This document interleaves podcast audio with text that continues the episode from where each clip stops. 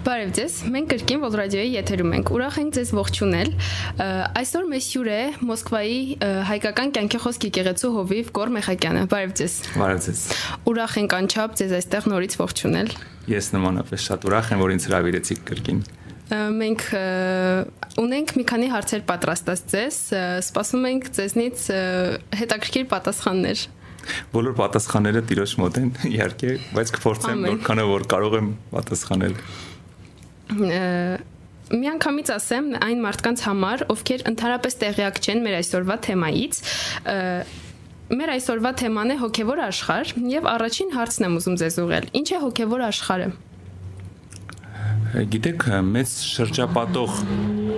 հոգևոր աշխարհը ինքը ավելի իրական է, քան թե այն աշխարհը, որում մենք ապրում ենք, այս ֆիզիկական աշխարհը։ Հոգևոր աշխարհը դա այն անտեսանելի հոգևոր տիրույթն է, որի մեջ մենք գտնվում ենք, լինելով ֆիզիկական մարդիկ, գտնվելով ֆիզիկական աշխարհի մեջ։ Եվ այն ավելի իրական է, այն ինչ որ մենք տեսնում ենք, մենք շոշափում ենք, այս ամենը անցողիկ է Պողոս Արաքյալը կորոնթացիս թղթում ասում է երևացողները ժամանակավոր են, չերևացողը հավիտյան է։ Հոգևոր աշխարհը դա այն հավիտյանն է, եւ մեր ներսել կա հոգևոր աշխարհից մի մասնիկ, դա մեր հոգին է, որը նույնպես հավիտենության մի մասնիկ է կազմում։ Սա իրենց ներկայացնում է հոգևոր աշխարհը։ Իսկ արդյոք մարդը կարող է ազդեցություն ունենալ հոգևոր աշխարհում եւ ինչպես ազդեցություն իհարկե կարող է ունենալ մեր ազդեցությունը հոգևոր աշխարհին անմիջականորեն կախված է մեր հոգևոր մակարդակից այսինքն որքանով որ մեր հոգևոր մակարդակը ինչ դիրքում որ գտնվում է մենք այդքանով ազդում ենք հոգևոր աշխարհի վրա եւ ասելով հոգևոր աշխարհ մենք մի մի, մի բան պետք է հասկանանք որ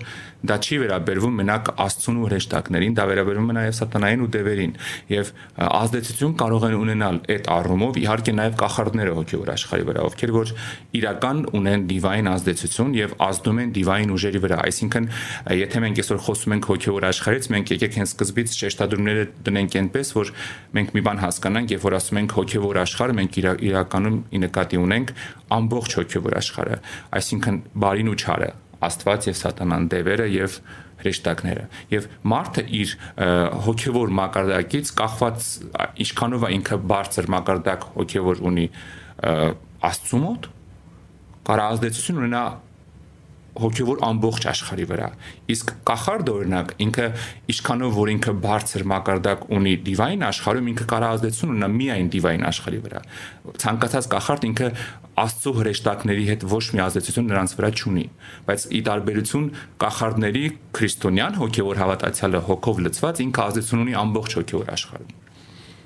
Հասկանալի է։ Իսկ արդյոք հոգևոր աշխարհը կարող է ազդեցություն ունենալ մարդու ֆիզիկական կյանքի վրա իհարկե կարող է ազդեցություն ունենալ հոգևոր աշխարհը ոչ թե կարող է այն անմիջական ազդեցություն ունի մեր ֆիզիկական կյանքի վրա եւ եթե մենք բաժանենք մասերի հայ այսպես օրինակ ես այսպես ասեմ մենք մի քիչ սխալ պատկերացում ունենք հոգևոր աշխարհի մասին մենք քրիստոնյաներս ինչպես ենք խոսում երբ որ խոսում ենք հոգևոր աշխարհից ասում ենք եթե խոսում ենք օրինակ ասենք բարու կողմից մենք խոսում ենք հրեշտակներից Եթե խոսում ենք ճարի կողմից, մենք խոսում ենք սատանայից, բայց իրականում հոգևոր աշխարհի հետ մեր ազդեցությունը, մեր վրայի ազդեցությունը, անմիջական մեր շփումը ոչ սատանայի հետ է, ոչ հրեշտակների։ Մենք տեսեք, եթե բաժանենք, այսինքն առանձնացնենք սատանան, Սուրբ Հոգին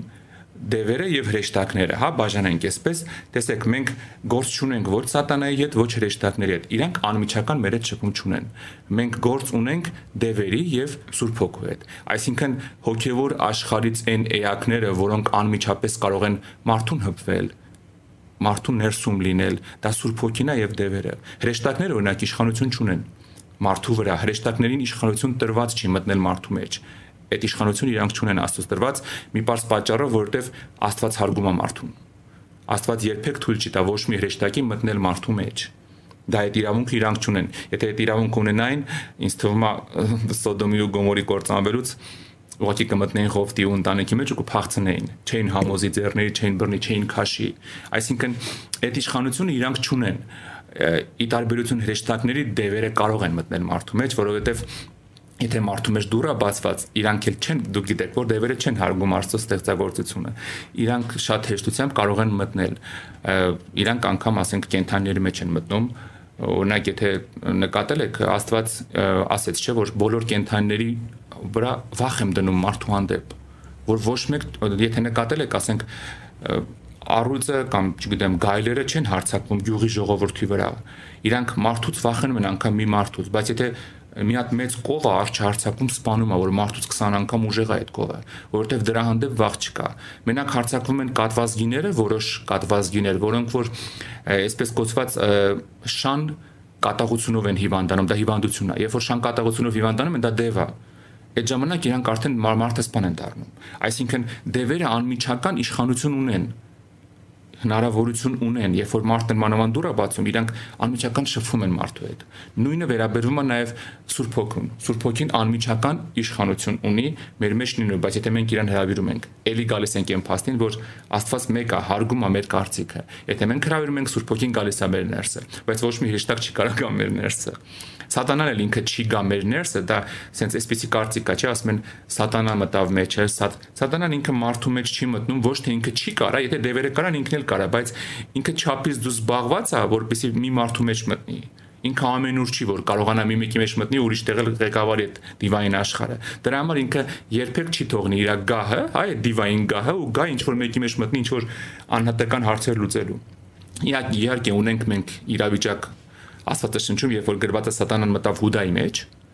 բայց դա աշխարհի ամենակարևոր դավաճանության հարցն էր լուծվում աշխարհում։ Դրա համար այդ ժամանակ կարար ինքը թույլ տալ իրան գալ մտնել Հուդայի մեջ կամ էլ միգուցե Աստվածաշունչը այդտեղ այլաբանորեն ա գրել։ Սատանան մտավ, այսինքն ինչ որ դև մտավ, Աստված ասում է սատանան մտավ Հուդայի մեջ, այսպես։ Անչափ շնորհակալ եմ։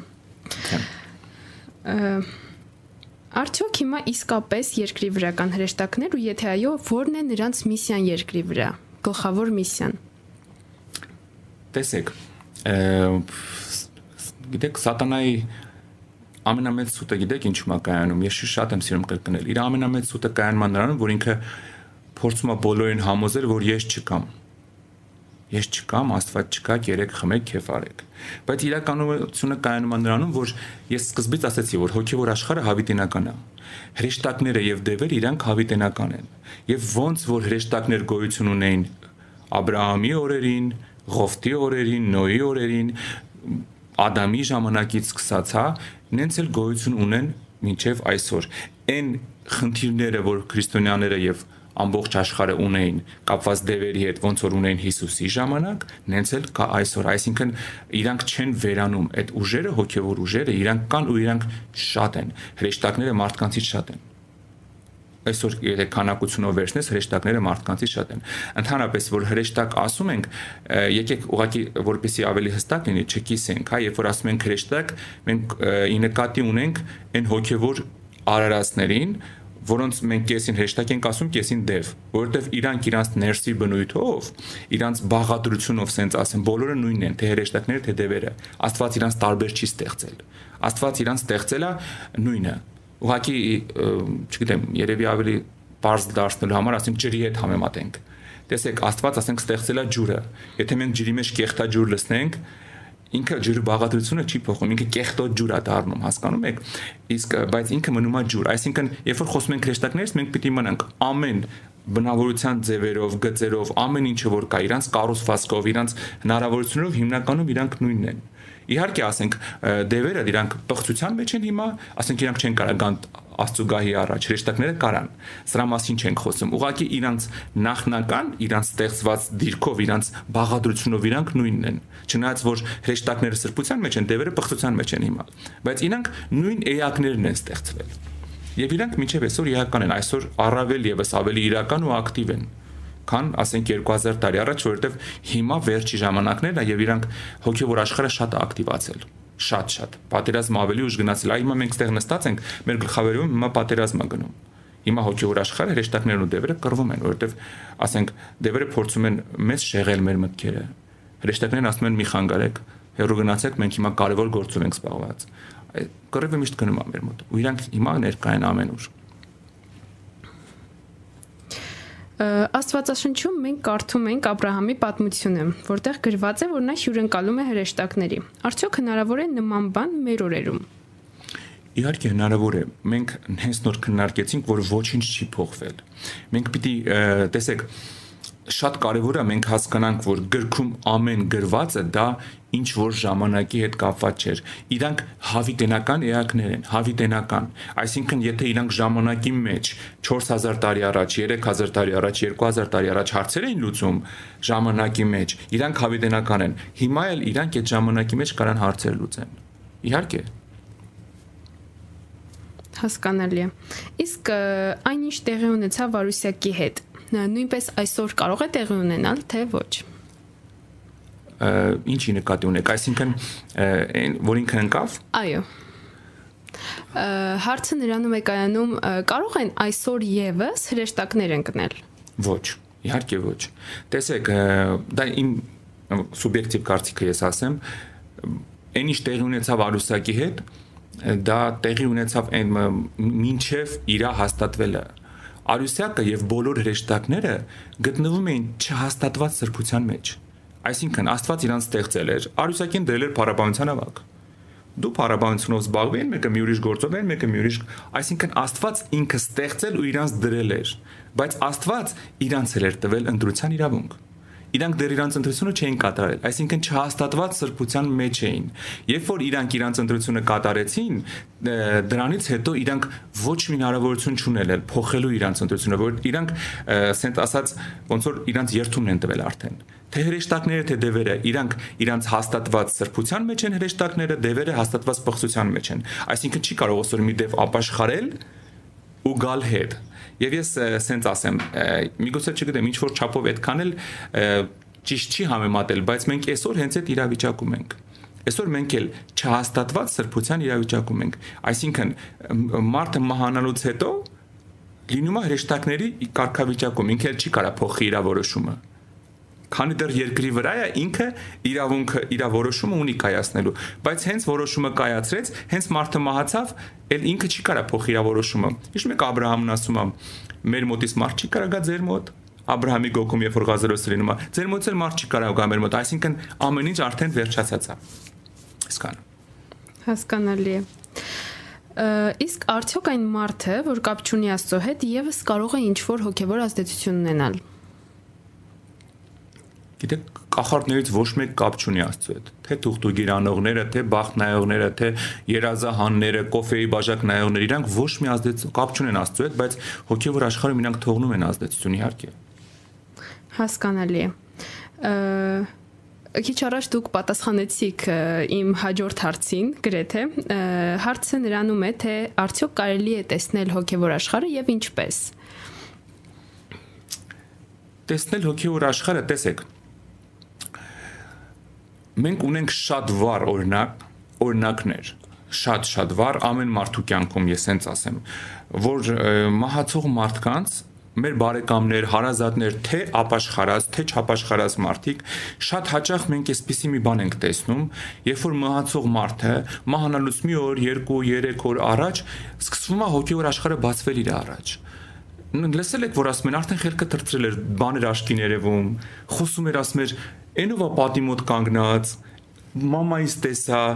հասկանում եք, դա ոչ թե իր մաման է, հոգեոր աշխարհը սկսում է բացվել։ Կամած կամած մահացող մարդկանց մոտ շատերի մոտ է լինում, որ հոգեոր աշխարհը սկսում է բացվել, իրանք սկսում են տեսնել արդեն հոգեոր աշխարհը։ Կամած կամած նախապատրաստվում են հոգեոր աշխարհին։ Դա մի տարբերակ, հա, որովհետեւ մենք հասկանանք հոգեոր աշխարհը ոնց կարելի է տեսնել։ Մի ուրիշ տարբերակ, երբ որ շատ մարդիկ կլինիկական մահ են տանում, դուք գիտեք, որ երբ որ հետ են գալի շատ պատմություններ են պատմում, ոնց են իրանք տեսել հոգեոր աշխարհը, ոնց են տեսել Քրիստոսին, ոնց են տեսել մարդիկ կամ որ դևերին են տեսել գնացել են տանջվելու, հա, այսինքն նայած քո հետևից ով է եկել, իրանց էլ տեսնում ես թե հրեշտակներին, թե դևերին։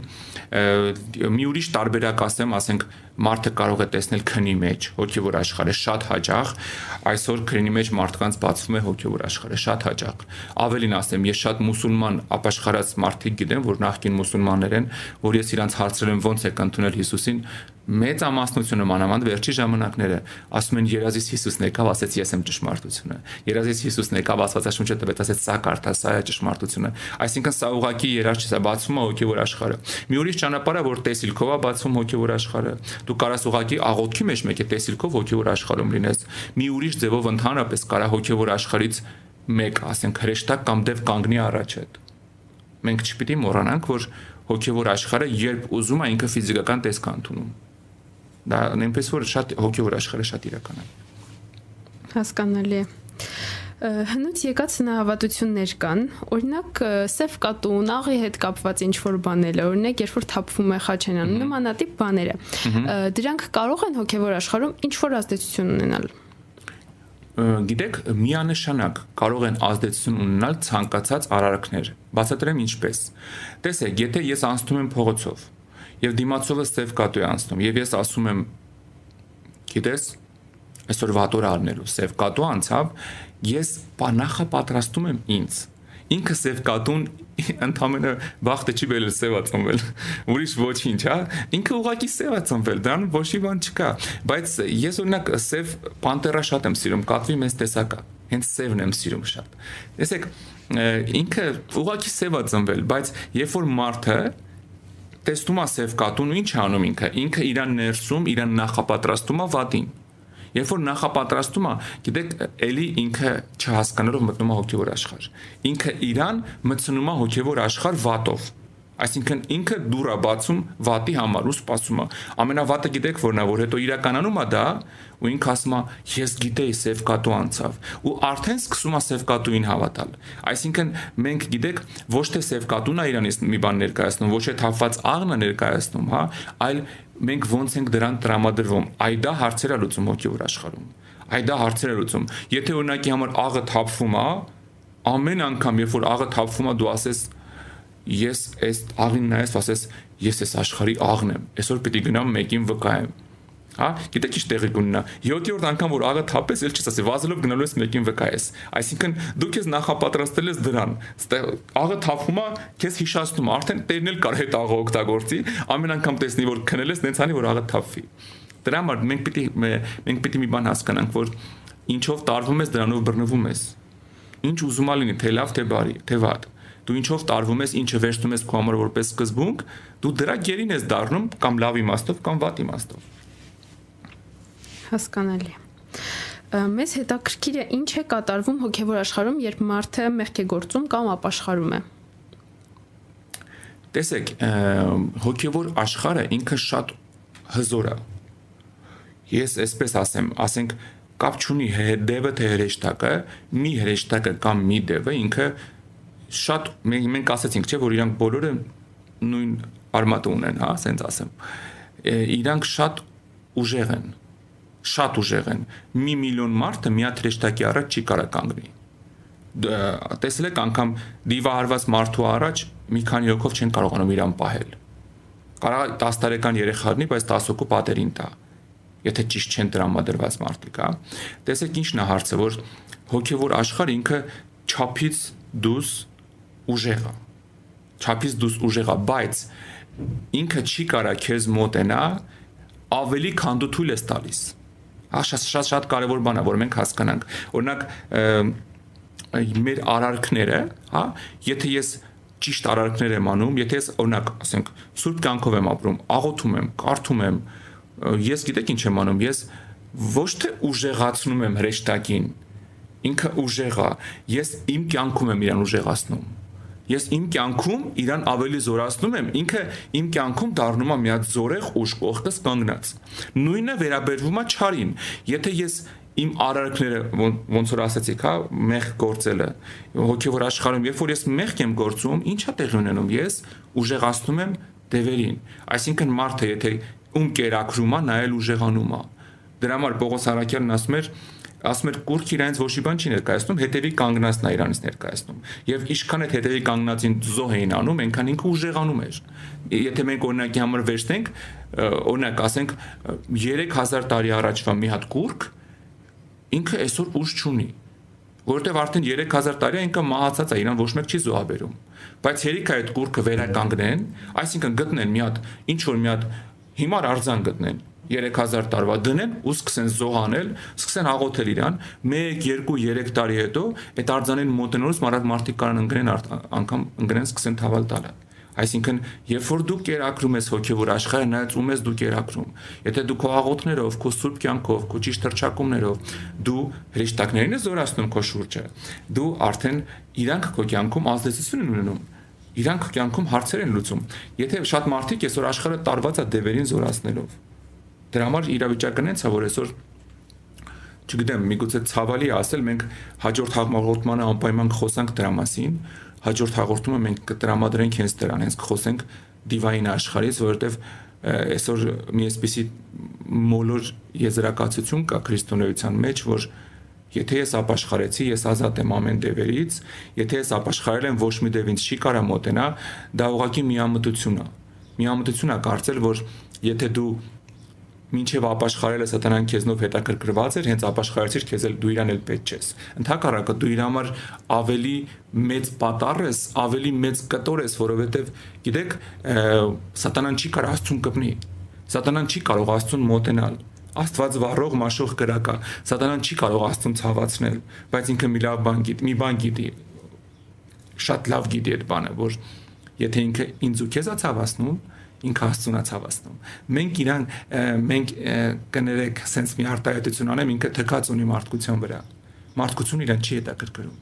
Ինքը իրան ոչ մի մարդ պետք չի, բայց ինքը մի բան գիտի, որ Եթե մարդկությանը կպնում է Աստծուն ցավացնում, դրա համար անգած մարդկության հետևից, առավել եւս քրիստոնյաների հետևից, որովհետեւ մենք արդեն որթե գրված Աստծո զավակներ ենք։ Ես սատանան լավ գիտի, որ եթե ինձ կպավ, Աստծո բիբին է կպնում։ Դրա համար միամտություն է կարծել, որ քրիստոնյան ապաշխարեց, ինքը ազատ է դևերից։ Ազատ է, որովհետեւ գիտեք, չգիտեմ, չեմ ուզում թվեր ասել, ես շատ եմ շփվում բռնված մարդկանց հետ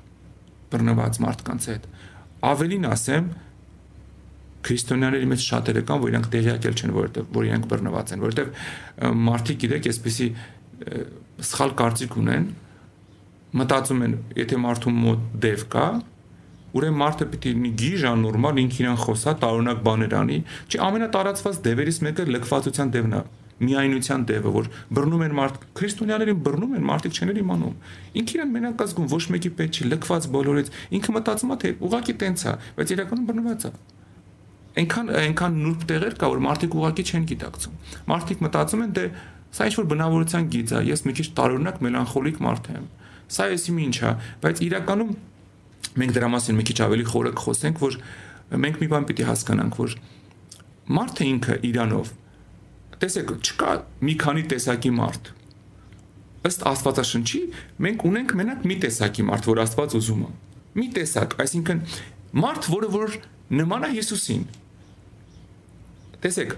ի՞նչ է նշանակում մարդ, որը որ նման է Հիսուսին։ Դա նշանակում է, որ ես, դու, երրորդը, չորրորդը, միլիոն երրորդը բոլորս Հիսուսին նման ենք։ Նշանակում է մենք իրար ենք նման։ Դա ի՞նչ է նշանակում։ Մարդ նման Տիրոջը նշանակում է ազատ ինչից ամեն տեսակ ջղայնությունից, բացությունից, ստից, ամեն տեսակ սխալ բաներից ազատ մարդ։ Այսինքն, տեսեք, եթե մենք բոլորս էլ ազատ ենք եւ եւ լցվում ենք հոգու պտուղով, այսինքն բոլորս էլ ուրախ ենք, խաղաղ ենք, կողքից նայող մարդը ի՞նչ է տեսնում։ Տեսնում որ բոլորս նույն մարդն ենք Մենք տարբեր տարբեր նախասիրություններ ունենք։ Ես շոկոլադ եմ սիրում, դուք բանան եք սիրում։ Այն երրորդը կոնֆետ է սիրում մի ուրիշ, չորրորդը խորոված է սիրում, ենթադրենք, հա, բայց մեր սիրած համերը տարբեր է, բայց մեր բնավորության գծերը արդեն նույնն է դառնում։ Մենք բոլորս դառնում ենք մի մարդ։ Այդ մարդը անունը Հիսուս է։ Հիշում եք, երբ որ առաջի դարում երբ որ Սուրբ Հոգին թափվեց, գիտեք ինչ է գրված, շատ կարևոր մի բան է գրված, գրված է որ բոլոր այնքան աստու ներկայությունը ուրիշ է մեծ էր զորեղ էր օծված էր այնպիսի ազատագրում էր գնացել բոլոր դևերը փախել էին բոլորի մեջից բոլորից ազատագրում էր գնացել գրվածա որ բոլորի սիրտն ու հոգին մեկ էր հավատացյալների սիրտն ու հոգին մեկ էր այսինքն իրանք բոլոր նմանվել էին Հիսուսին բոլորը ուրախ էին իրանք ունեցվածները բերում բաժանում էին բոլորը դնում էին ասում էին ո՞մ մեջ պետքա վերցրեք այսինքն եկել էր մի պահ որը որ ազատվել էին բոլորը եւ ազատվել էին ոչ միայն, ասենք,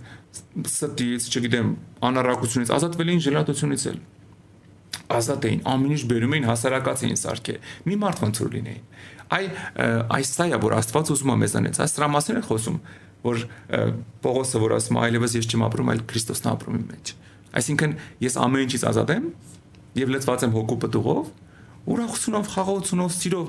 Քրիստոսն է իմ մեջ ապրում։ Այս է ուզում Աստված։ Ու դրա համար մեր ոնց որ պարտականությունն է քրիստոնյաների ազատ լինել ամեն սխալ բաներից այսօր գիտեք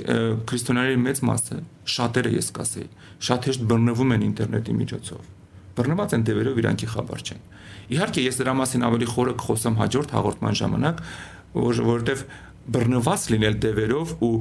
լծված լինել դեպերով, այսինքն լինել դիվահարված ու լինել բռնված դրանք տարբեր բաներ են, որի մասին ես կուզեմ խոսել ու կուզեմ խոսել ազատագրման մասին, ոնց կարելի է ազատ լինել այդ ամեն ինչից լինել ազատ քրիստոնյա լծված սուրբ հոգով, լծված հոգու պտուղով։ Էնպես որ ես համել կոչ կանեմ, որ մեր հերոստատիտողները կամ ռադիո լսողները ոնց չգիտեմ ոնց դիմեմ իրենց անպայման այդ երկրորդ հաղորդումը նույնպես նայեն։ Անչափ շնորհակալություն։ Մենք ունենալու ենք եւս մեկ հաղորդում, ինչպես նշեցինք արդեն, դիվային աշխարհ թեմայով։ Մնացեք մեզ հետ, լսեք մեր հաղորդումները։ Շնորհակալություն հարցազրույցի համար։ Եթե ցանկանում եք ունենալ ինչ-որ ներդրումներ, ձեր աջակցությունը ցուցաբերել Vol Radio-ին, կարող եք մտնել volradio.com կայք եւ օրհնված եղեք։ Շնորհակալ եմ։ Տերը օրհնի ձեզ, կհանդիպենք։